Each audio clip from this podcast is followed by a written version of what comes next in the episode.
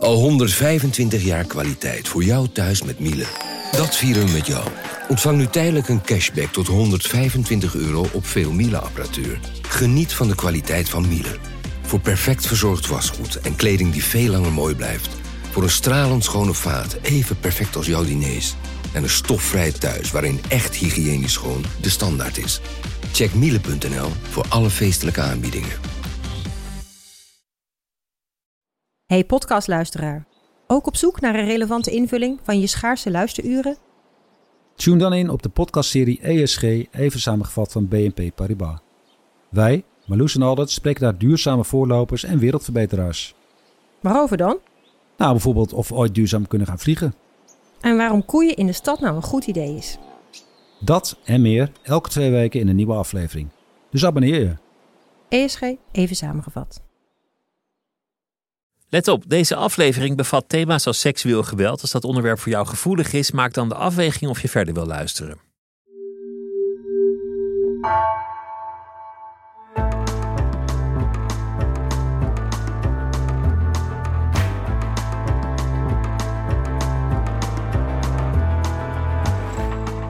Welkom bij het uur. Een hele generatie inmiddels volwassenen groeide op met haar boeken. Hoe overleef ik? Het begon met overzichtelijke problemen, zoals hoe overleef ik mijn vakantie. Maar inmiddels houdt Francine Omen zich bezig met thema's als intergenerationeel trauma. Ze heeft ook een podcast gemaakt waarin ze met millennials in gesprek gaat over de problemen in hun leven. En een nieuw boek is op komst. Hoe overleef ik? Waar ik niet over praat. Er is een handzame methode uit te distilleren die het leven makkelijker zal maken. Dit is het uur met Francine Alme. Mijn naam is Pieter van der Wielen.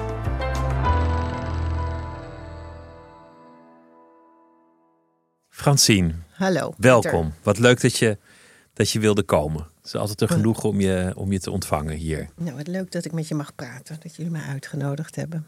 Ja, ik, ik, ik was aan het voorbereiden. 3 miljoen exemplaren zijn er verkocht van jouw boeken in totaal. Ja, ruim. Ruim 3 miljoen. Ja. Dat, dat heeft helemaal niemand. Nee, dat is gigantisch. Zelf, ik snap er zelf ook helemaal niks van hoor. Maar Dat, Dus dat, is dat heel is reusachtig. ja. Kan, kan Nou, je heeft helemaal niemand. Dat is niet waar, hè?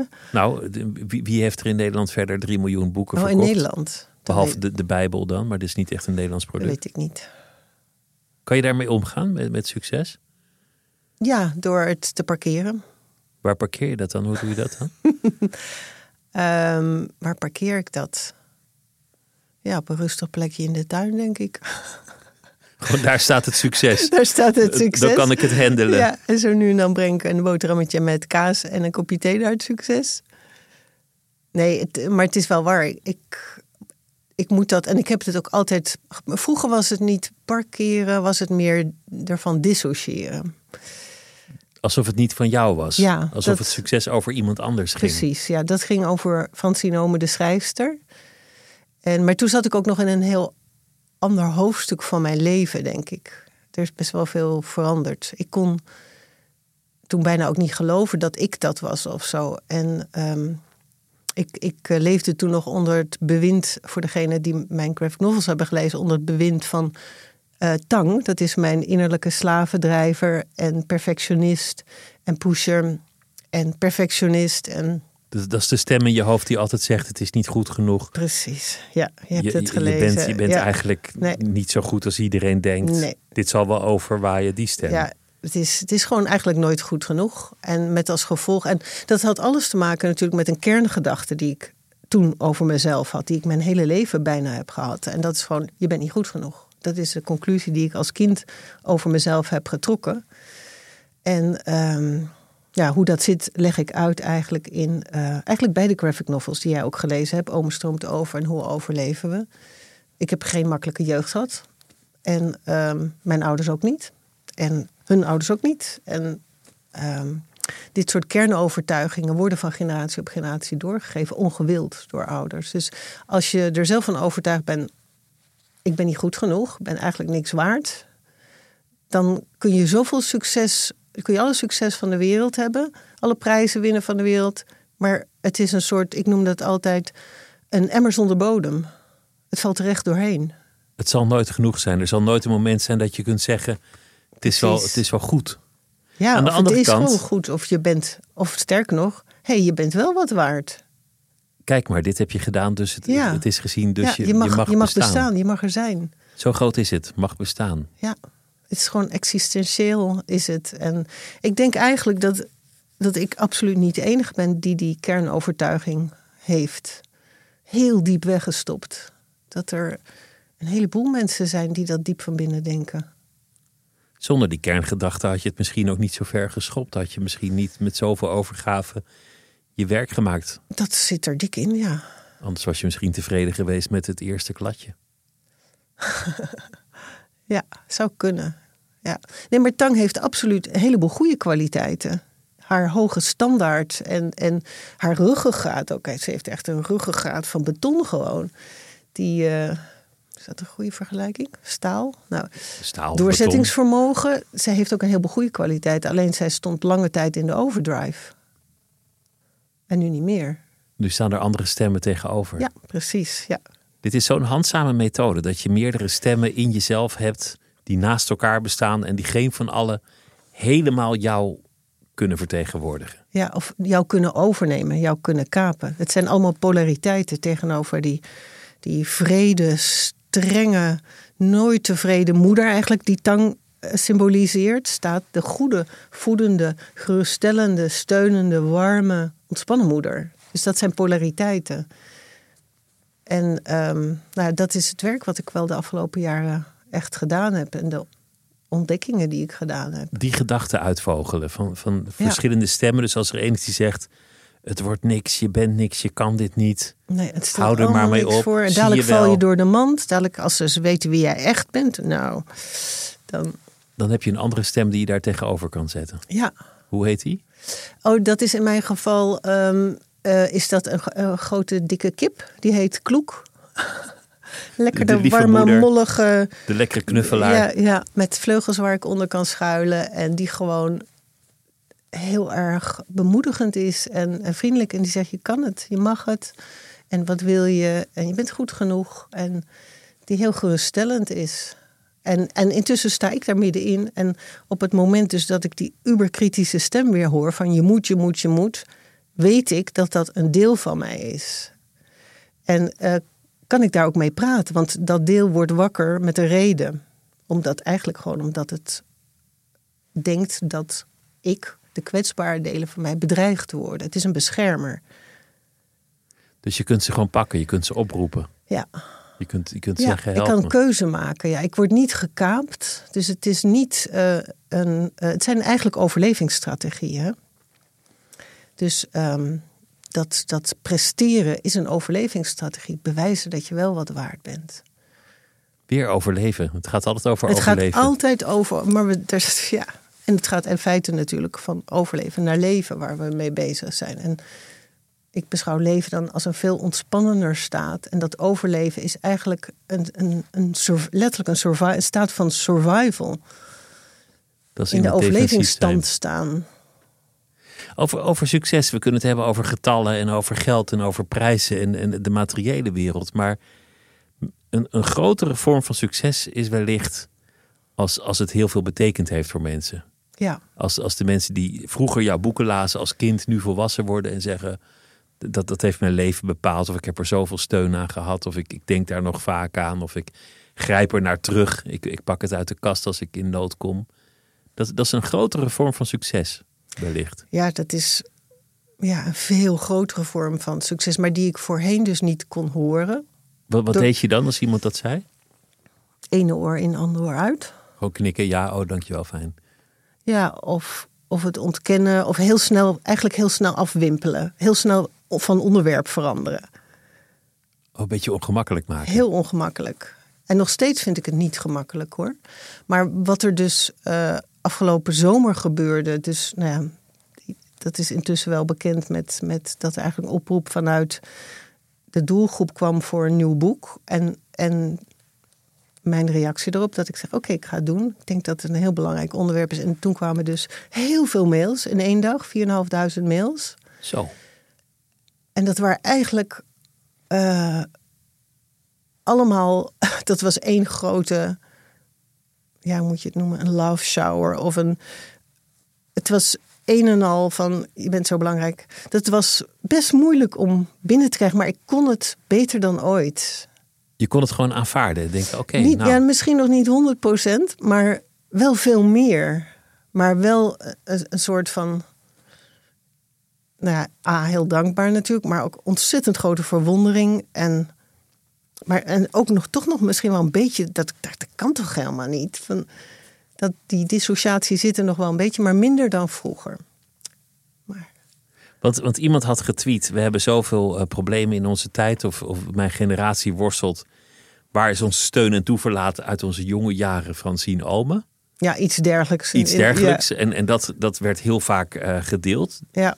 Dat, ging viral. En jij dacht, ja, misschien, misschien is dit wel een aanleiding om iets te doen. Ja, nou het was eigenlijk nog veel sterker. En dat is bijna een soort sprookje is het. Ik zat twee uur daarvoor zat ik op mijn terras herstellend van COVID. Ik was eigenlijk aan het. Ik was eigenlijk gewoon net weer op kracht. Ik had mijn huis verbouwd. Het was echt een, een tof job was dat. En ehm, ook leuk hoor. En ik had eh, Hoe overleven we af. En af, dat was een heel moeilijk boek om te maken. Daar ben ik ruim vier jaar mee bezig geweest. Echt het moeilijkste boek ever. Tot dan Meest persoonlijke boek ook, Ja. vermoed ik. ja, daarvoor heb ik echt gewoon hard moeten werken. In mezelf, zeg maar. En toen vroeg ik aan, eigenlijk gewoon aan het universum van... ehm, oké, laat maar zien wat de bedoeling van mij is nu. Ik heb weer energie, ik heb ruimte. En ehm, show me, zoiets dergelijks. En ik had dus wel in mijn achterhoofd al... eh, in dat in de vriendenkring van mijn kinderen, die zijn begin dertig allemaal, dat er heel veel burn-out en depressie was. En ik had al met een paar van, van, van eh, die mensen gepraat van hé, wat is er nou aan de hand? Dus ik had al wel de gaten, er is wel iets aan de hand. Waar, waar komt dit vandaan? Dus ik had al wel zo'n idee, sorry, ik wil dat gaan onderzoeken. En toen kwam dus, het was een TikTokje, ehm, echt een paar uur later. En toen dacht ik van ja, oké, dit is, dit is wel... Dit is het project. Dit is gewoon wel heel erg duidelijk. Heb ik ook gewoon geen seconde getwijfeld. Ik dacht echt, hoe overleef ik is afgelopen. Dat had ik afgesloten. Ehm, ik was daar gewoon klaar mee. Ik had alles gegeven eh, wat ik kon geven.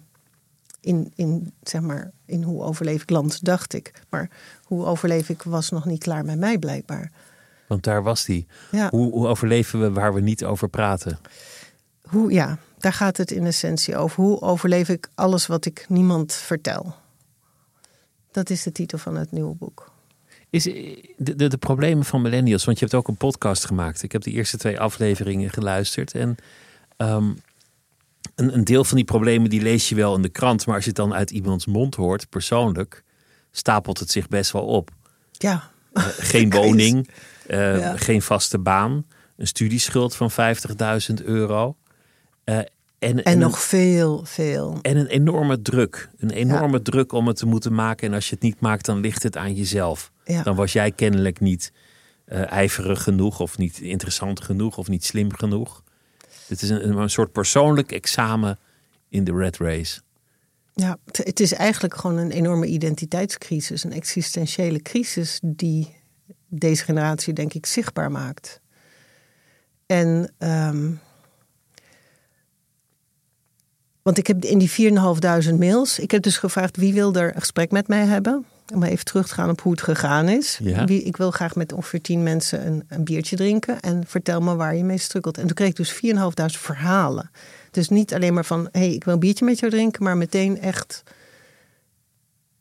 hele levensverhalen waarvan ik meteen dacht van... weet jouw ouders dit? Weten jouw vrienden dit überhaupt? Dat je hiermee struggelt. Was echt mindblowing gewoon wat er gebeurde. En, ehm, Want je hebt niet 4.500 keer bier gedronken met iemand. zie ik eruit alsof je ik ziet er goed uit, dus dat lijkt me niet.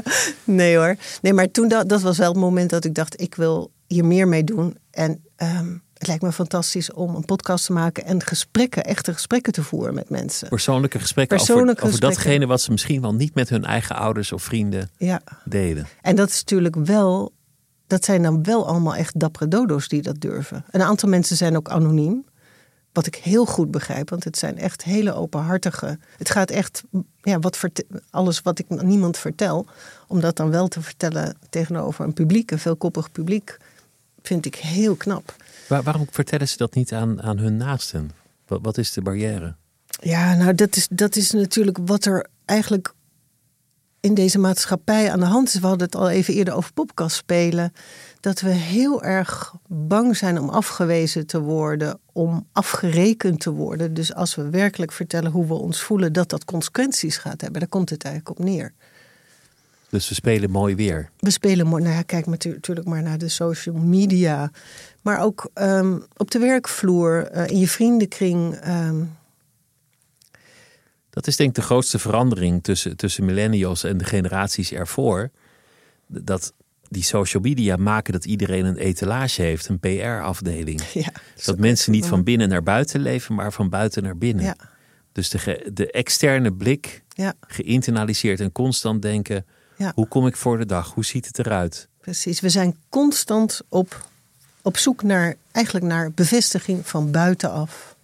En als je de kernovertuiging hebt, ik ben niet goed genoeg, wat nogmaals, ik denk een heleboel mensen hebben, als je er echt over na gaat denken, dan, dan is het ook nooit voldoende. En dan heb je gewoon precies wat we nu zien in de maatschappij. En alsmaar op zoek naar bevestiging van buitenaf, het is nooit genoeg. Meer likes, meer succes. Ik vind het altijd interessant dat je mensen ziet en dan denk je, god, nou die heeft een leven. Ja. Die is altijd met leuke mensen, altijd op interessante feesten, altijd uh, aan het werk met goede projecten. En dan zit er één postje tussen, soms een eentje die, die ze ontglipt. Ja. Waar, waarin staat ik, ik zoek dringend woonruimte, want uh, mijn tweekamer appartement in de Baarsjes in onderhuren wordt opgezegd. En uh, ik, ik moet, ik, mijn huurbudget is 200 euro, wie weet er wat. Mm -hmm. Ik heb drie dagen. Ja. En dan denk je ineens, oh zo'n glamourleven was het helemaal niet. Nee. Nou, die, die glippen er weinig doorheen hoor, die, die post. die, die ene verloren ja. post die, die het allemaal ja. verraadt.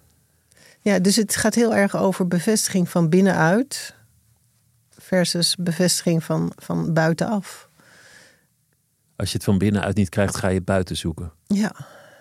En is, is het nooit en het voldoende. Zal nooit genoeg en het zijn, zal want, nooit genoeg zijn. Dus, want jij zei 3 miljoen ja. boeken verkocht en het is nog steeds een bodem waar het ja. doorheen. En we krijgen, en, en dan kom, kom je op een aantal stop, stokpaardjes van mij terecht. We krijgen natuurlijk, of tenminste deze generatie meer dan ooit, de hele tijd ook eigenlijk um, de boodschap: je bent niet goed genoeg. Van jongs af aan, kijk maar eens naar het schoolsysteem de CITO-testen. Um, wat kinderen allemaal niet moeten van hun ouders. Al die bijlessen, al die sporten waar ze op moeten. We, we worden de hele tijd omhoog gestuurd van je moet beter best zijn. En um, worden constant afgemeten aan. Want het begint al heel jong natuurlijk. Het onderwijssysteem is, dat, dat, dat merk ik aan heel veel kinderen van, van vrienden. Vind ik hoor, heel negatief. Ja. Er mankeert altijd iets aan de ja, kleine. En het moet beter. En het, het moet beter. Hij is te en het wordt vergelijk je procentiel. Je wordt de hele tijd afgezet tegen het gemiddelde. En hij kan niet goed rekenen, hij kan niet goed praten. Hij kan, er is altijd wat hij niet kan. Ik snap dat om onderwijsredenen. Maar ik, ik probeer dan altijd de stem te zijn die zegt: Ach, je hebt een hartstikke leuk kind. Ja. En hij kan heel leuk tekenen. niks Of hij is mee. ontzettend speels. Of hij is heel Het is gewoon- muzikaal. Het is gewoon een aardige jongen. Ja, precies. Daar gaat, Laat maar daar gaat het helemaal niet om. Nee. Dus dat gebrek aan zelfvertrouwen wordt heel jong al geïnstalleerd. En, altijd- en niet alleen door het over- schoolsysteem, maar ook door de ouders natuurlijk. Maar je Als- hoort over die ouders altijd juist dat ze, dat ze curlingouders zijn die alle problemen wegnemen. Is, is dat niet, niet hoe ja, jij maar dat is zeg maar. Dat lijkt maar zo. Dat is een soort van, van cosmetische gepoets aan de bovenkant, is dat. Daaronder worden hele andere signalen uitgezonden. Want ze willen trots zijn op die kinderen. Ja. En dat En is, ze zijn trots als je presteert. Niet voor wat je bent, maar voor wat je doet. hoe, hoe doorbreek je dat eigenlijk? Hoe, hoe geef je die emmer een bodem? Ja, dat is een hele, een hele belangrijke vraag. Ik denk dat we daar sowieso met z'n allen over. Ik denk dat het begint met het, het herkennen en het erkennen van de zaak waar we mee bezig zijn. Dat we eigenlijk met z'n allen iets proberen te zijn wat we niet kunnen zijn. En ehm, ik pleit eigenlijk heel erg ervoor dat er een nieuw vak, een nieuw verplicht vak op de scholen geïnstalleerd wordt. Want dat is de plek toch waar je alle kinderen in ieder geval bereikt. Gelukkig, alle kinderen in Nederland gaan naar school. En dat gaat over de binnenwereld en niet over de cognitie en de buitenwereld en kennis en vaardigheden, maar over ehm, hoe zit jij in elkaar? Wat kan jij? Wat wil jij? Wie ben jij? Waar word jij blij van? Word je gelukkig van? Hoe ga je om met elkaar? Hoe ga je om met je emoties? Ehm, misschien ook zeg maar wat ik de methode die ik fantastisch vind, die werkt trouwens als een speer bij kinderen. Dus dat je niet een sloddervos bent, maar een sloddervos hebt. Dat je, en ehm, ik denk dat er dan langzamerhand heel veel gaat veranderen in de maatschappij. Als wij met z'n allen wat beter met onszelf leren omgaan. En met elkaar van daaruit. Dus, dus toegepaste psychologie. Ja, hoe te leven, dat zou nog wel eens een vak kunnen zijn. Ja. ja. In plaats van taal en rekenen. En, Precies, in plaats van cognitie, dat we als je niet weet wie je zelf bent, wat moet je dan met al die kennis en cognitie? Als je weet, ik ben aardig wat in de cijfers gedoken ook over deze nieuwe generatie, dat bijvoorbeeld uh, krap één op de vijf mensen die aan hun eerste studiejaar na de middelbare school begint, dus of dat nou MBO, HBO of universitair is, haalt het eerste jaar. De rest is al, zijn al drop-outs. Dat is gigantisch. En waarom is dat zo? Omdat die mensen geen flauw idee hebben wie, wie, ze zijn, wat ze willen, wat ze kunnen. Er is hun alleen maar hun hele leven verteld wat ze moeten. En niemand heeft hun ooit gevraagd: wat wil je eigenlijk? En plus die verwachtingen, al die mensen die op hun tenen lopen, heel pijn aan hun tenen hebben intussen, een heel onstabiel staan daardoor. Er is, veel depressie. Die, die, die, getallen, ja, ze, ze wisselen allemaal een beetje. Het is niet heel goed in kaart gebracht, maar het zijn steekproeven, zijn het natuurlijk. Het zijn schrikbarende cijfers. Ja, en, en als je kijkt naar de mensen die aan, de, aan medicatie al zijn, jonge mensen. Als je daar de aantallen van ziet, het is schrikbarend. Dat is, dat is ook, ook een soort quick fix. Absoluut. Geef ze maar een pilletje tegen de symptomen. En in plaats van dat we gaan praten over de oorzaken. Ja, maar dat typeert eigenlijk denk ik wel de maatschappij van nu. Dat wij ook eigenlijk een soort van geprogrammeerd zijn op de quick fix. Het is allemaal hier en nu, waar we het net even over hadden, ons apenbrein. Daar hadden we het voor de, de opname over, dat, dat, over dat, we, dat, we, in een high-tech wereld nog steeds gewoon... Met een apenbrein rondlopen. Met een apenbrein ja, rondlopen. En dat is, met basale behoeftes die de hele dag bevredigd moeten worden. Ja, en geprogrammeerd zijn we op de korte termijn. Ik zeg wel eens short-term fix, long-time trouble. Maar in ons brein evolutionair gezien bestaat er helemaal geen lange termijn. Het is gewoon, er moet nu gegeten worden. En uh, ik wil bevestiging en ik wil veiligheid. Ja. Erkenning. En ik wil uh, nog meer kleren en nog meer spullen en een nog groter huis en meer, meer, meer. En dat de wereld daardoor naar de kloten gaat. Ja, maar dan. Niet buiten de groep vallen is denk ik de, de, de, oerdrift van de mens. Ja, dat is een van de allerbelangrijkste. De snelste manier om op de savanne te sterven is als de groep zegt, ja, hoeven we niet meer. Precies. Dan, dan, dan ben je verloren. Ja. Ja, helemaal waar. Dat zijn, dat zijn, het, zijn, het zijn grote thema's eigenlijk. Hele grote thema's. Ja, en dat, die, die grote thema's, dat brengt in feite deze generatie in beeld. Denk ik. Want waar komt al die depressie vandaan en al die burn-outs? Het niet kunnen, kunnen voldoen aan een plaatje. Het niet kunnen voldoen aan dat zelfgecreëerde beeld. Aan ja, en een identiteitscrisis van, van maar, maar wie ben ik nou eigenlijk? Het zijn allemaal een heleboel verdwaalde mensen. Die niet doen wat ze eigenlijk zouden willen doen. Die nooit geleerd hebben eigenlijk om in contact te zijn met hun echte behoeftes. Die ook geen grenzen hebben leren aangeven. Want wij worden ook allemaal constant voorbij onze eigen grenzen gepusht. Hele opvoeding, hele onderwijs.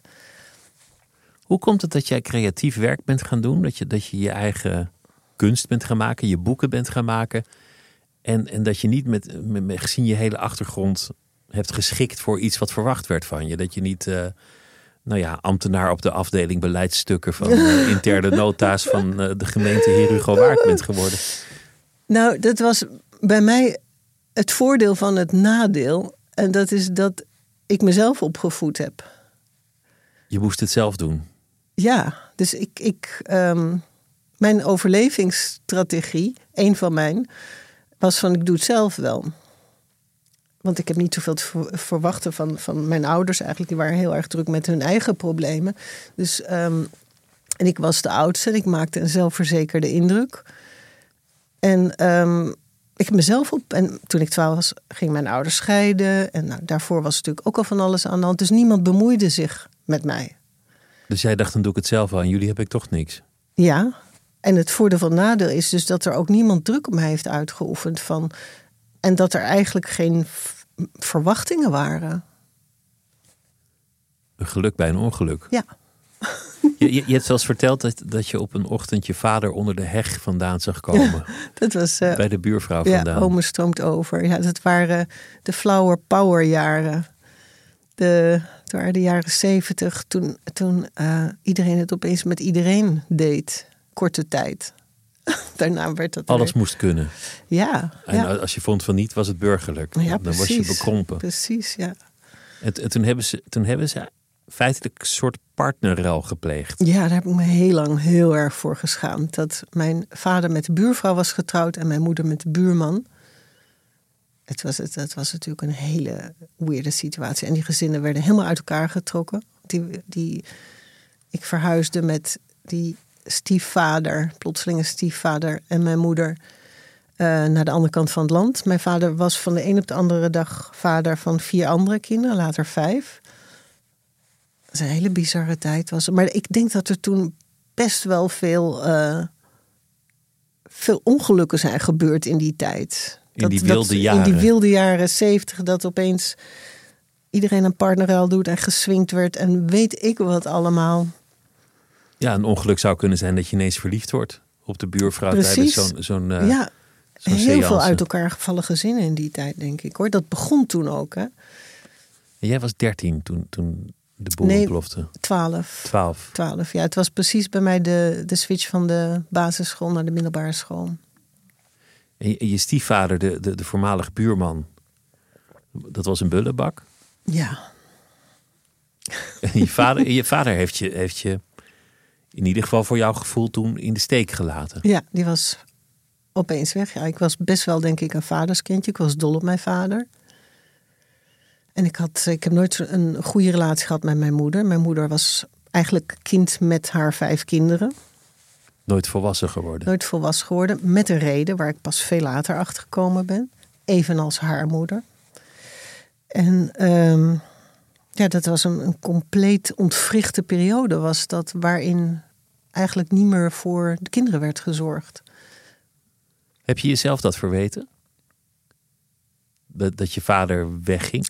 Oh, een soort gedachte van, Natuurlijk, ik dacht van nou... ehm, ik was kennelijk niet leuk genoeg. nou, ik had toen de, de gedachte van nou, ik snap wel dat hij een andere vrouw wilde. maar Want Het je is niet aardig om niet te leuk. zeggen. Nee, want ik, ik kon gewoon niet goed met mijn moeder overweg. En ik was eigenlijk haar moeder. Al, al vanaf heel jong. Ehm, een geparentificeerd kind he- heet dat. En ehm, Parenticificatie, een moeilijk woord. Ja. Dat, is, dat is als jij de rol van de ouders overneemt. Ja. Dat het kind de volwassene Ja. wordt en de verzorgende rol ja, aanneemt. en zich heel verantwoordelijk voelt. Nou ja, dat is ook een patroon wat zich natuurlijk doorgezet heeft in mijn leven. En daaruit komt ook die gedachte: ik doe het wel alleen. Ik heb niemand nodig. En als je dan een lang verhaal kort maakt, dat heeft natuurlijk direct ook invloed in je liefdesrelaties. En ehm, Welk effect is dat? Hoe, hoe heb je dat bij jezelf herkend later? nou, eigenlijk gewoon me niet kunnen verbinden. Kort gezegd. eh, ehm, Dus het ging maar zover. Een relatie duurde een tijdje en ja, stopte weer. Nieuwe en, relatie. En, ja, en het heeft ook invloed op je, de keuze van je partners. En ja, het is gewoon een soort van blauwdruk over wat liefde is die je meekrijgt. En als keuze- daaronder de gedachte zit, ik ben het niet waard, dan wordt, ja, wordt het gewoon heel ingewikkeld. Maar dat was een gedachte die alleen van binnen weggemoffeld leefde. Want van buiten zag je er juist uit als iemand die sterk was. Overlevingsstrategie, ik heb niemand nodig. En de partnerkeuze, wat, wat voor keuzes waren dat?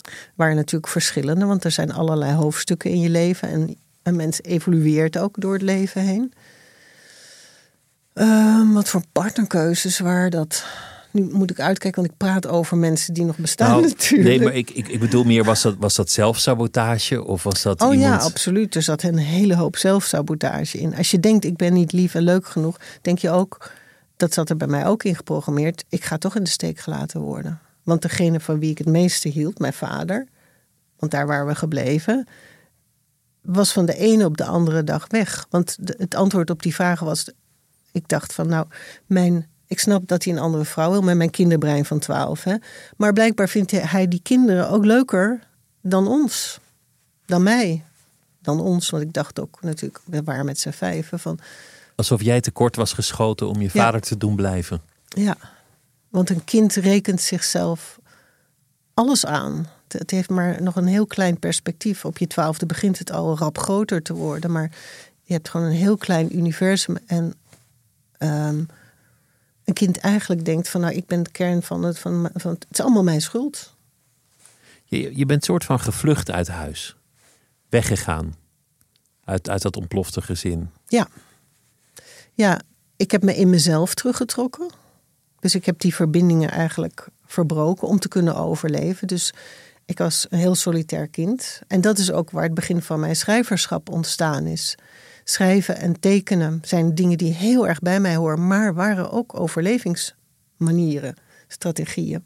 Door in een fantasiewereld te gaan en door op schrift proberen pogingen te doen te begrijpen wat er om mij heen gebeurde. Dus ik schreef dagboek vanaf die tijd ook. En dat was ook wel een soort zelfreflectie van wat gebeurt er hier allemaal? Wat, wat voel ik? Waar sta ik? Ja. Wat maak ik mee?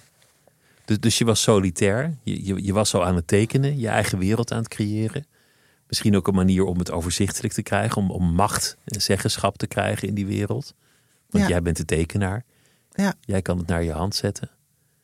Toen, toen ben je terechtgekomen in een, eh, ja, een gastoudergezin. Ik, ik weet niet hoe ik het moet noemen. Een pleeggezin. Ja, wat, ja, was het was een soort van zelfgekozen surrogaatgezin was dat. Ehm, waar mensen die in de jeugdzorg werkten. Allebei, man en een vrouw. En ze hadden een klein kindje. Maar die, die jou privé opvingen. Ja, ik kwam daar, ik kwam daar eigenlijk terecht door mijn allereerste vriendje. Ehm, dat was ook een pleegkind, wat tijdelijk, ze namen ook, ze werkte in een opvanghuis voor weggelopen kinderen.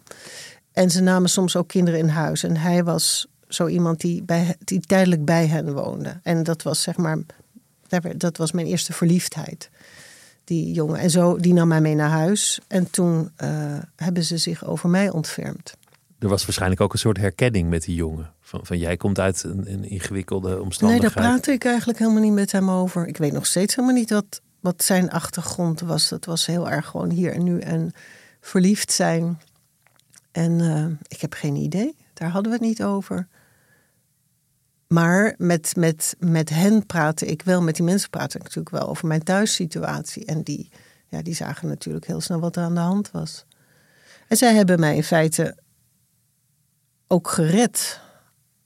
En tegelijkertijd, en nou ja, dat, dat, eh, dat weten intussen ook wel meer mensen, omdat ik dat in Hoe overleven we beschreven heb, zijn zij ook degene die mij seksueel misbruikt hebben.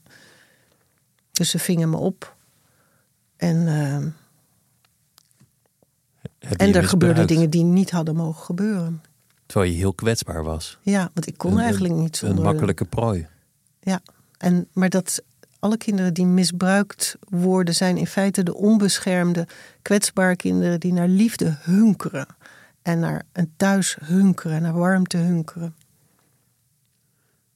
D- dit is materie voor trauma's. Yes. Als je ooit een trauma oploopt, dan, dan nou ja, is, Ja. is dit denk ik je kans. En wat het interessante is, is dat, ehm, dat het trauma zich herhaalt. Want ik zei niet, zeg niet voor niks, mijn moeder was een kind, was eigenlijk helemaal niet in staat om haar kinderen te begeleiden. Is zelf een soort van eh, gestagneerd in haar ontwikkeling. En het heeft alles te maken met dat zij in feite hetzelfde heeft meegemaakt als ik. Op ongeveer dezelfde leeftijd. Iets wat jij toen niet wist. Ah, Ik heb dat eh, haar hele leven niet geweten. En daar ben ik pas op haar sterfbed achter gekomen. En dat was bij haar ook een zoeken naar liefde en naar aandacht. En naar bevestiging ook weer. Van je mag bestaan. Waarom heeft ze dat op, je, op, op haar sterfbed verteld? En ze heeft het niet verteld, want ze had heel erg Alzheimer. Ehm, maar ze kreeg op haar sterfbed kreeg ze ehm, flashbacks. En dat werd door de ver- verzorging gewoon weggezet als bijwerking van ze was helemaal plat gemaakt eh, door de medicijnen. Dat is wat ze doen. Ze werd onrustig. En dan beginnen ze natuurlijk met antipsychotica te geven en slaappillen en weet ik wat allemaal. Ze kreeg een soort van nachtmerries, noemden ze dat. Maar ik zat heel veel bij haar. En, ehm, en ik merkte dat, ze, dat er de hele tijd een soort. dat ze in een loop zat. En dat er. Ze lag in een soort van, van half coma. Ze kon zich door de medicijnen eigenlijk ook niet meer bewegen. Ze lag helemaal verstijfd. En daardoorheen braken die flashbacks. En dan eh, schreeuwde ze steeds hetzelfde. Met wijd opengesperde ogen. En, en ik zat daarnaast. En ik kon een soort van meekijken met haar. En ik heb heel mijn leven al gedacht dat er dingen in mijn moeders familie gebeurd waren. Want die familie ging heel raar met haar en met ons om. En uh, ik kende ook die hele familie niet. En um, en ik heb gedurende de tijd dat ze gewoon wel nog uh, is, was mijn moeder gevraagd: zijn er dingen gebeurd bij jou vroeger? En zij zei altijd: nee, nee, nee, nee. En um, nou toen ik dus naast dat sterfbed die, die flashbacks meemaakte, toen ben ik, heb ik uh, mijn vader ben ik aan de tand gaan voelen. En heb ik gewoon echt concreet gevraagd van uh, papa, is, er, is mama seksueel misbruikt? Want dat was eigenlijk wat ik gewoon kon opmaken uit die flashbacks wat er gebeurde. En ehm, ja, dit beschrijf ik ook al in mijn, boek. Mijn vader wilde het helemaal niet vertellen. En uiteindelijk heeft hij het wel verteld. En wat ik dus gezien had, klopte. En ehm, toen heeft hij dus verteld een gedeelte van wat er gebeurd is. Ik dacht dat er nog meer gebeurd was, maar dat wilde hij op dat moment ook niet vertellen. Heeft hij later wel verteld, vele jaren later. Dus het klopte allemaal wat mijn intuïtie zei. En mijn moeder is ook rond haar twaalfde, tiende, jarenlang misbruikt door haar biechtvader. Een katholiek gezin.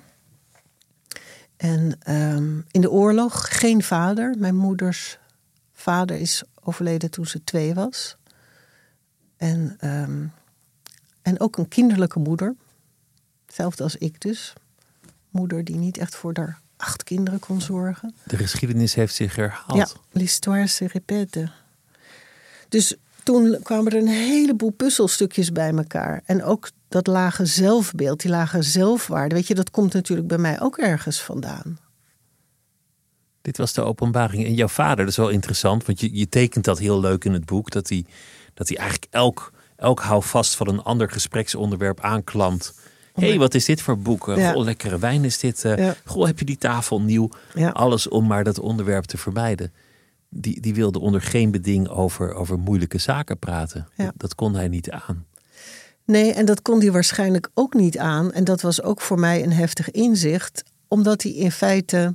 Want dat heb ik ook in, die scènes beschreven. Toen mijn vader mijn moeder leerde kennen... was mijn moeder 18 of 19, denk ik en toen was dat nog gaande. Dat is echt vele jaren lang doorgegaan. En um, waarschijnlijk wist die hele familie ervan. En waarschijnlijk ben ik nu achter, zijn er ook meer mensen in die familie slachtoffer geworden van die club kapelaans die daar zaten in Maastricht. Het was een groot geheim dit, van de hele familie, hele respectabele familie.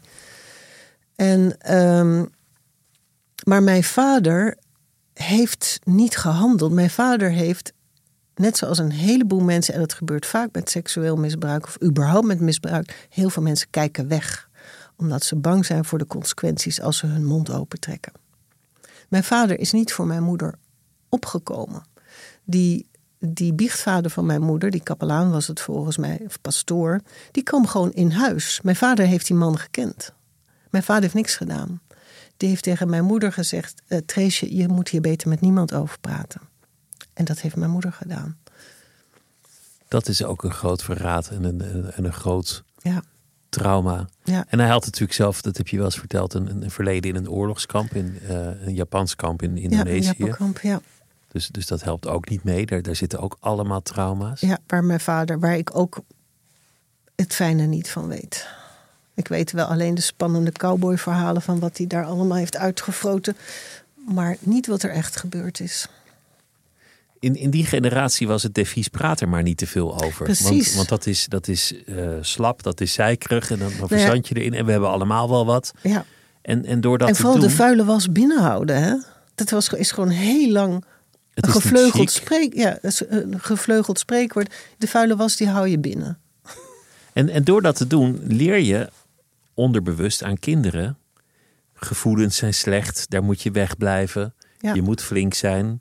Ja. Als je iets mankeert, los het zelf maar op. Houd het voor je, houd het geheim. Ja, En op die manier, dat is een van de vele manieren waarop je trauma doorgeeft. ja, absoluut. Als trauma niet geadresseerd wordt, wordt het doorgegeven aan eh, de volgende generatie. En dan kom ik nu weer terug bij, bij de doelgroep waarvoor ik nu werk, zeg maar weer, aan het schrijven ben.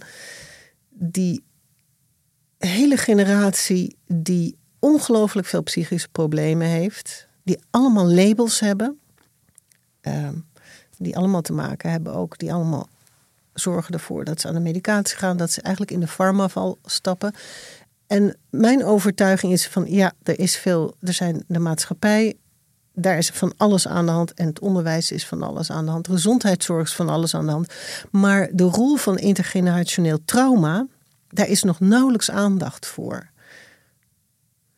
Hoe doorbreek je dat? Want, want, want dit, dit is eigenlijk een interessant moment. Een fictief voorbeeld. Iemand is eh 51. eh, de, de achtste relatie is net uitgegaan. Eh, min of meer om dezelfde reden. Of op een gegeven moment herkent iemand de patroon. En denkt, goh, heb ik dat nou weer gedaan? Bijvoorbeeld, het mag maar zo ver gaan. Of als het moeilijk wordt, dan ben ik weg. Of eh, ik, ik communiceer niet over lastige dingen. Of, of al die dingen die uiteindelijk gif blijken voor je relatie. En iemand zegt, het is genoeg. Ik wil niet dat mijn kinderen, dat de, de volgende generatie worden, die, die ook weer doorgaan op dat pad. Dat die geschiedenis zich weer een keer gaat herhalen.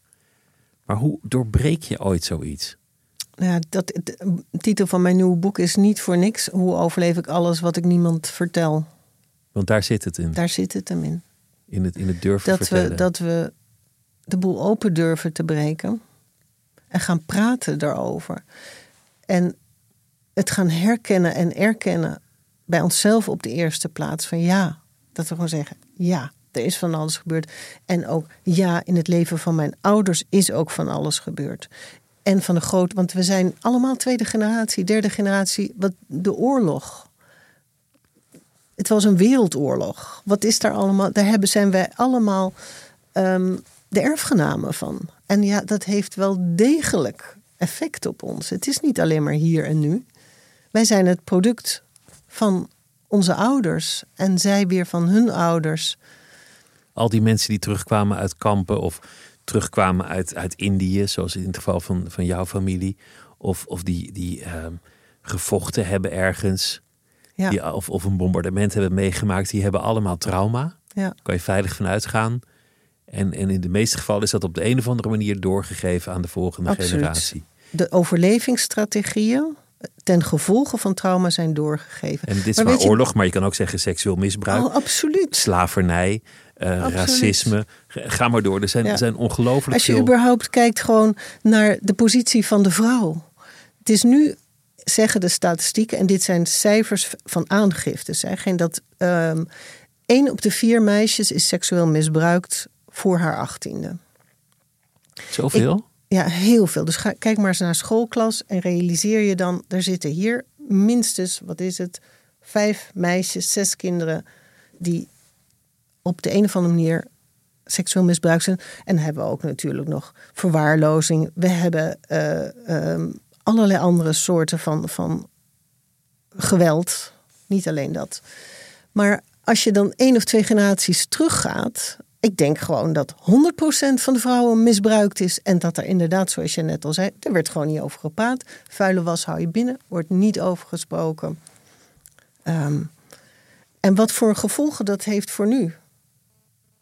Jij bent op het punt gekomen dat je het bij jezelf bent gaan erkennen. Dat, dat, je, al die, dat je die kluwen bent gaan ontwarren en je eigen mechanismes bent gaan zien.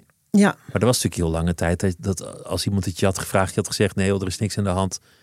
Nou, ik heb nooit gezegd er is niks aan de hand, maar ik heb het heel lang ehm, niet begrepen. Het woord trauma, dat is. Ik heb wel altijd gedacht van, ik heb niet zo'n leuke jeugd gehad. Maar het woord trauma ken ik pas sinds een jaar of tien of zo. Dat ik getrau- een getraumatiseerd persoon zou zijn. Dat had ik nooit bedacht. Dat dat, Hoe ben je erachter gekomen dat dat zo was? nou, door, door te leren, door te onderzoeken, door ehm, te lezen, te luisteren, te praten. Heel veel te lezen ook. Met erin te verdiepen, met ervoor open te stellen. En eigenlijk gewoon, vooral wat je net ook al zei. Wat voor mij eigenlijk de turning point was dat ik. En daar, dat vertel ik ook in mijn boek. Dat ik toen ik jong was, dacht ik ga alles anders doen dan mijn moeder. Echt alles anders. Heb ik ook gedaan. En toen op een gegeven moment ontdekte ik dat het resultaat. Dus ik heb drie kinderen, volwassen geworden. Dacht ik, Jezus, ze struggelen met precies dezelfde thematiek als ik. Allemaal op hun eigen manier natuurlijk. Maar datgene wat ik anders wil, wilde doen en dacht anders gedaan te hebben. Hoe kan dat nou? Het resultaat is hetzelfde. Een soort Griekse tragedie. Juist wat je wilde vermijden, dat, Ja. dat kreeg je. Ja. Ja, want ik had gewoon niet. Ik wist toen helemaal nog niet. ehm, wat de mechanismes waren die eraan ten grondslag lagen. Dus ik heb, als ik even terugga naar de Hoe overleef ik boeken. En een van de redenen waarom ik daar ook mee gestopt ben in der tijd. Ik had ontzettend een soort van missie om een heleboel kinderen. Nou dat het een heleboel werd, dat, dat wist ik natuurlijk van tevoren niet. Om kinderen te helpen, omdat ik heel goed begreep hoe ze zich voelden. Omdat ik het zelf had meegemaakt. En dat heb ik jarenlang gedaan. En ehm, Je adresseerde jezelf toen je klein was, als het ware. toen nog niet. Ik kreeg pas na lange tijd in de gaten, en dat, eh, dat is misschien hebben we het nu over een jaar of zeven, acht geleden, dat, ehm, dat juist die getraumatiseerde kinddelen in mij, dat ik die nooit geholpen had. Dat, en dat die nog wel degelijk in mij aanwezig waren en hun invloed hadden. Want die hebben hun, kom ik weer terug op die kernovertuiging. Daar zijn we een beetje terug bij het begin van het gesprek. Die kinddelen in mij die vroeger de conclusie hebben getrokken, onder andere bijvoorbeeld als voorbeeld dat mijn vader wegging, maar ook dat seksueel misbruik van die mensen vonden mij niet lief en bijzonder, die wilden iets anders van mij. Dat droeg allemaal bij aan die kernovertuiging van ik ben niks waard. Die kinddelen waren nog steeds in mij aanwezig. Het kindje van twaalf, dat, dat, dat zit nog ergens en die, die roert zich. Precies. Die En- bemoeit zich ermee. dat, ja. Nou, dat zorgt ervoor dat daar al die over- overlevingsstrategieën die er toen waren, nog steeds gewoon zijn. Ander jasje misschien aan, maar dus een deel van, van jezelf leeft in het verleden. En, en dat is het werk wat ik toen ben gaan doen. Wat ik ook wel eens noem, ehm, hack your script, update the story. Dus je moet de delen die bevoren zijn in de tijd eigenlijk opzoeken en een nieuwe overtuiging geven, een nieuw perspectief geven. Het klinkt misschien een beetje ingewikkeld, maar Ja, dat valt eigenlijk wel mee hoe ingewikkeld dat Ja? klinkt. Ja, Ehm, vind ik hoor. Maar ja, maar ja, jij hebt die twee boeken gelezen, dus je kunt het waarschijnlijk Nou, dokter, Phil, die, die toch miljoenen mensen ook aanspreekt, die, eh, die zegt altijd: mensen doen wat werkt of wat ooit gewerkt heeft. Ja, En in die laatste categorie dan ontstaan de problemen. Je hebt ooit je een strategie aangemeten Ja. die nuttig was ja, of leek. ja, En jaren later, als je in een totaal andere situatie bent, het al lang niet meer nodig is, ben je is- nog steeds is- die strategie aan het toepassen. Precies, het is een soort van eigenlijk overbodig geworden, want toen zat je in de oorlog, zeg maar, en de oorlog is allang voorbij. Ze zeggen ook wel eens, de man gaat uit de oorlog, maar de oorlog gaat niet uit de man. Het is eigenlijk wat ze ook noemen PTSS. Dat is de essentie van trauma, dat je, dat je in een modus geraakt waar je niet meer uitkomt. En je, maar je weet niet dat je in die modus zit. En dit is ook de modus die van generatie op generatie wordt overgegeven. Overgedragen. Wat ik zo mooi vind aan die, aan die, die innerlijke stemmen identificeren en een naam en een gezicht geven en met elkaar in gesprek laten gaan, is dat je met geen van allen volledig samenvalt. Precies. Je bent het niet. Je, bent het niet. Je bent niet je trauma. Nee, Je bent niet je strategie. nee, Er zit een heel lelijke schaduwkant in je, maar dat ben je niet. precies. Je bent niet je misdaad Nee. of, of, of, Nee. eh, of je en bijvoorbeeld verleden. als je anorexia hebt, eetproblemen spelen er veel ook in deze generatie. Je hebt geen anorexia, je hebt een deel wat niet wil eten. Maar dat is een overlevingsstrategie. En je bent niet depressief, je hebt een depressief deel wat jou ergens tegen probeert te beschermen. Dus, dus het slechte deel is ook een goed deel, omdat het, het een, is een niet slecht. is. Het is een, het is een overlevingsstrategie. Het is een totaal andere manier van naar trauma kijken. Dus, dus op die manier lukt het jou nu ook? Om, om, om de hele dag die stemmen te identificeren. En ik, oh god, daar, daar is, uh, daar is, daar is Bullepees weer. En nu, uh, nu zet, ik, uh, zet ik de kloek er tegenover. Nou, zo, zo, zo werkt het natuurlijk niet. Maar laten we zeggen dat ik minder lang gekaapt word. Minder, dus natuurlijk schiet ik nog steeds in eigenlijk in overlevingsstrategie, in automatische reactiepatronen. Maar steeds korter en korter. En dat is wat voor mij de vooruitgang is. Dus ik ben. Ik blijf minder lang hangen waar ik voorheen misschien wel een jaar of jaren in bleef hangen. Dat, dat, daar blijf ik nu veel korter in hangen. Dus, je herkent je patronen, je Ja. herkent waar het, waar het misgaat. ja. Ja, mis, mis alsof het goed gaat, weet je wel. Maar je snapt wat ik bedoel. Het duurt niet meer zo lang. Je Het blijft er niet niet meer in zo lang. En ik heb dus het echt bewust, maar ook dus uitgebeeld, want ik heb er een boek van gemaakt, die getraumatiseerde kinddelen, die, die, die, eigenlijk die negatieve zelfovertuiging hadden, heb ik een soort van bezocht, heb ik mee gepraat, heb ik een, een, een perspectief gegeven. Want nogmaals, een kind heeft geen perspectief. Het heeft een heel erg soort tunnelvisie eh, op hoe de wereld in elkaar zit. En, ehm,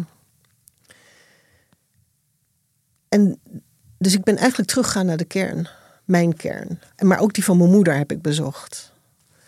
Ik ik vind, ik vind het leuk dat je, dat je in je boeken, want, want dat hebben we eigenlijk niet zo aangeraakt nog. Het zijn, het zijn grote, wezenlijke thema's, maar er zit ook wel heel veel humor in.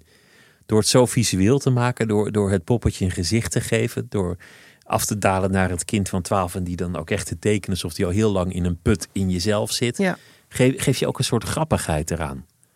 Het is ook alsof je kunt lachen om jezelf, kunt, kunt lachen om het bestaan, de tragiek ervan. En, en dat maakt het ook meteen minder angstaanjagend. Ja, dat is mijn manier van omgaan met dingen. En dat is, ja, dat is een soort, kan je ook een overlevingsstrategie noemen, maar in het in beeld brengen, dat, ehm, ja, dat is voor mij heel erg belangrijk en heel erg bevrijdend ook. En helpt mij heel erg. En dus andere mensen ook blijkbaar. Het, het is wel zo dat, dat, je, dat je dan iets uitvindt en dan ben je weer zoveel jaar verder en dan, dan heb je het volgende weer en misschien val je er weer in terug. En voordat je eindelijk doorhebt hoe het een klein beetje moet, dan, dan ben je eigenlijk al rijp voor huisavondrood. Ja, zoiets, ja.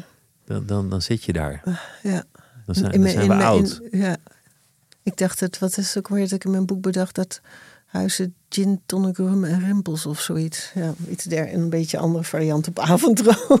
Ja, of een glaasje Nou ja, maar advocaat. intussen, intussen ja, probeer ik het wel gewoon, datgene wat ik allemaal meemaak, ehm, een soort van, van to digest, om dat te, verwerken en dan ook weer naar buiten te keren of zo. Zodat niet alleen ik er iets aan heeft, maar ook andere mensen, hoop ik. Want, want het, het eerste advies is: praat. Bedek het niet. Ja. En, Ga- ja, en aan. voor het, het eerste, het allereerste is het herkennen en het erkennen. Dat je gewoon het niet meer wegdoet, want dat doen we natuurlijk allemaal. Van, dat we het bagatelliseren of vooral niet aan proberen te denken, maar dat we gewoon zeggen van ja. En het ook niet vergelijken met ander trauma of ander leed. Want dat is natuurlijk ook een lekkere dooddoener van ja, iemand anders heeft veel erger. Dat stelt Ja, je, helemaal je, je, niks hebt kinderen voor. die zijn op een landmijn Ja. gelopen en, en dan kom Ja, jij. Jeetje, ja, ik met mijn, het is helemaal geen trauma. Maar dat is eigenlijk gewoon een soort van escape. Is dat het maakt, er is geen orde van grootte van trauma. Er is leed genoeg voor iedereen. We hoeven niet te concurreren daarin. Nee. En dan vervolgens inderdaad ehm, schaamte. Want dat is de laatste poortwachter. Ehm, schaamte gerust te stellen. Met schaamte in gesprek te gaan. Want schaamte probeert jou natuurlijk te beschermen, waar we het ook al over hadden. Voor uit de kudde gegooid te worden. Van als jij dit laat zien, dat jij dit bent, Dat jij je eigenlijk zo voelt dat je en niet die mooie social media glamour geval met veel succes bent en een grote auto. Dat wil niemand, iemand, niemand meer met jou iets te maken hebben. Ja, het En- is inmiddels andersom. Inmiddels ben je juist met de grote auto... eh word je uit de groep gestoten in sommige kringen. Nou, een hele gro- boel groepen die vinden dat nog allemaal heel erg jovel hoor. Als jij in een hele dikke Porsche rijdt. Een Dus, Porsche is eh, ook wel heel mooi. Maar het gaat, nog, het gaat nog steeds om, om die apenrots. Nog Ja. steeds om vind mij Het leuk, aanvaard ja. mij, laat me niet in de steek. ja, mag ik, bestaan? Mag ik bestaan, hoor ik er wel mijn, bij. noem mijn naam. En het wapen Ja. van, van, van dat mechanisme, dat is schaamte. En dat is natuurlijk, laten we het daar ook over hebben. Het kapitalisme, wat daar volop op inplucht. Al die onzekere, angstige mensen die de weg kwijt zijn. Laten we wel wezen. Dat is natuurlijk een, een enorme goudmijn voor, voor het kapitalisme. Daar aan onzekere, bange mensen is veel geld te verdienen. En dan nog het model dat we met elkaar concurreren omdat het zo gezond is. Ja, nou dat is ook Dat we er een, een wedstrijdje van maken. Ja, maar dat is ook een voortvloeis van het kapitalisme natuurlijk. Ja. Dus ehm, Terwijl op de apenrots is er maar één ding, dat is samenwerken. Niet concurreren, maar samen elkaar helpen om, om eh, ja. een nest te bouwen of wat dan ook. Ja, ik weet nou niet precies hoe, hoe het in de apenwereld of daar Ik heel ook veel. niet, hoor, Dat, maar dat, dat- eh, ja, het is apenrots, apenbrein. Maar ja, Ehm, goed, maar je kunt je er iets bij voorstellen. Probeer maar eens in je eentje een kast in elkaar te zetten. Precies. En dat is eigenlijk gewoon waar het over gaat: verbinding. Ben, Dus je- ben je van je schaamte af? ja, nou nog niet helemaal, natuurlijk niet. Maar ehm, in het maken van eerst Ome stoomt over, toen Ho overleef ik, ben- ben ik wel door heel veel lagen gegaan. Ook omdat ik dat een soort van bijna verplicht voel aan wat ik doe, aan wat mijn vak is eigenlijk. Mijn vak is niet toneelspelen. Is, Daar heeft niemand wat aan Daar als heeft je dat zou niemand, nee. En ik denk op het moment, en dat merk ik ook aan de respons op mijn boeken, op het moment dat jij eerlijk bent en je kwetsbaar durft op te stellen, durven anderen dat ook. En dan vindt er werkelijke verbinding plaats. En daarvan zei je net, dat is de essentie. Dat Ja. is waar het om draait in ja, ik denk dat we in een hele gedisconnecteerde samenleving eh, leven. Dat we, ja, wat is dat? Wat is het Nederlands? Disconnected, ehm, niet verbonden. Ontbonden. ontbonden samenleving. En op het moment dat we wel weer verbindingen durven gaan maken, daar gaat mijn nieuwe boek ook over. Ook al is dat spannend en eng. En ehm, ja, dat we eigenlijk gewoon weer kunnen gaan groeien en werkelijk gelukkig worden. En niet die kort- kortstondige dopamine-shots waar we nu verslaafd aan zijn, maar ehm, Iets diepers dat daaronder zit. Echte verbinding. bevrediging. Precies. En dat we ook niet meer alsmaar afhankelijk zijn van die bevestiging van buitenaf, maar van binnenuit. Dat als we het basisgevoel gaan krijgen van, maar ik ben wel goed, ik ben wel de moeite waard. Dan, gaat er een he- dan heb je ook al die shit niet meer nodig om je heen. Geen duizend likes en geen, geen Nee, 1500 en geen dikke. Porsche en geen, geen, geen dure kleren of een dure vakantie. Of, dan Komt het van binnenuit. komt het van binnenuit. En dan, volgens Abraham Maslow, dat, dat was een psycholoog die ik al las toen ik jong was, toen ik dat, en daarna komt de zelfontplooiing. Als je dus niet meer afhankelijk bent van bevestiging van buitenaf, maar dat van binnenuit, dan kun je worden wie je bent. En dan, dan zal je ook in de ogen van anderen misschien echt waardevoller zijn. In plaats van Dan zijn die ogen van de ander niet meer zo belangrijk. De harten van van de ander wel, maar niet meer de ogen van de ander. Dat is mooi. En dan, en dan alsnog een Porsche. Nee, Jij, dankjewel. jij Pieter. Ooit, wellicht. Ik hoef geen Porsche. Nee. Dankjewel. Het was echt, eh, echt fijn dat je, dat je langs wilde komen. Ja, Dank je hartelijk. graag gedaan en dank jou wel. En zo zijn we aan het einde gekomen van deze aflevering van het Uur. Volgende week zijn we er weer. Het Uur wordt gemaakt door Mira Zeehandelaar, productie Claire van der Woude. Chef van de audioredactie is Anne Moraal. Tot volgende week.